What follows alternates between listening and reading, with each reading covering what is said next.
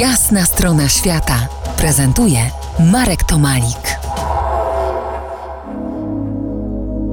Magdalena Gołębiowska, politolożka, amerykanistka, doktor nauk humanistycznych po jasnej stronie świata. Rozmawiamy o starym i nowym jedwabnym szlaku. Magdo, czy ten nowy szlak wiedzie przez Teheran?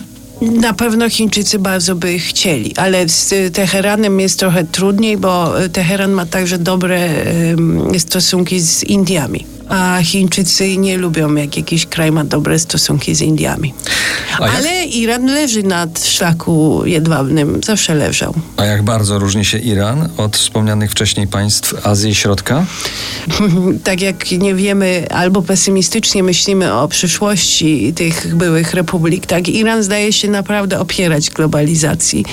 I oczywiście nie robi tego um, dlatego, że um, ma takie silne poczucie tej tożsamości, tylko dlatego, że jest krajem zamkniętym. Z jednej strony może to się wydawać fajne, a z drugiej strony należy chyba do nielicznego grona, które w Iranie źle się czuło. To znaczy ludzie tam są bardzo mili. To powtarzają wszyscy podróżnicy, że Iran miły, że tam jest wspaniale, że ludzie są gościnni. To prawda. Ale Chociaż to jest, państwo policyjne. Ale to jest chore społeczeństwo. Absolutnie chore społeczeństwo. I to nie chodzi o to, że ja y, jako kobieta byłam zmuszona do noszenia chusty, że czułam się tam jak na pielgrzymce z Radiem Maryja nieustannie, że ktoś mi instytucjonalnie narzucał, co ja mam myśleć, jak mam się zachować. Ale przede wszystkim relacje y, między kobietami a mężczyznami powodują, że ani kobiety nie zachowują się jak kobiety, ani mężczyźni nie zachowują się jak mężczyźni. Poziom frustracji i a spędziłam tam trzy tygodnie i dużo rozmawiałam z rozmaitymi y, ludźmi z różnych klas społecznych.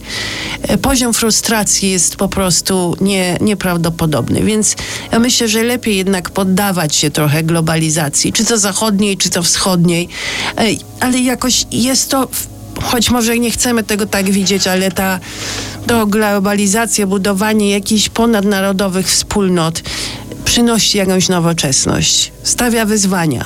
A Irańczycy są zamknięci w swoim świecie i nie wiadomo dlaczego i tego nie potrafię zrozumieć, choć przeczytałam bardzo mądrą książkę Marka Kensa Krawca o Iranie.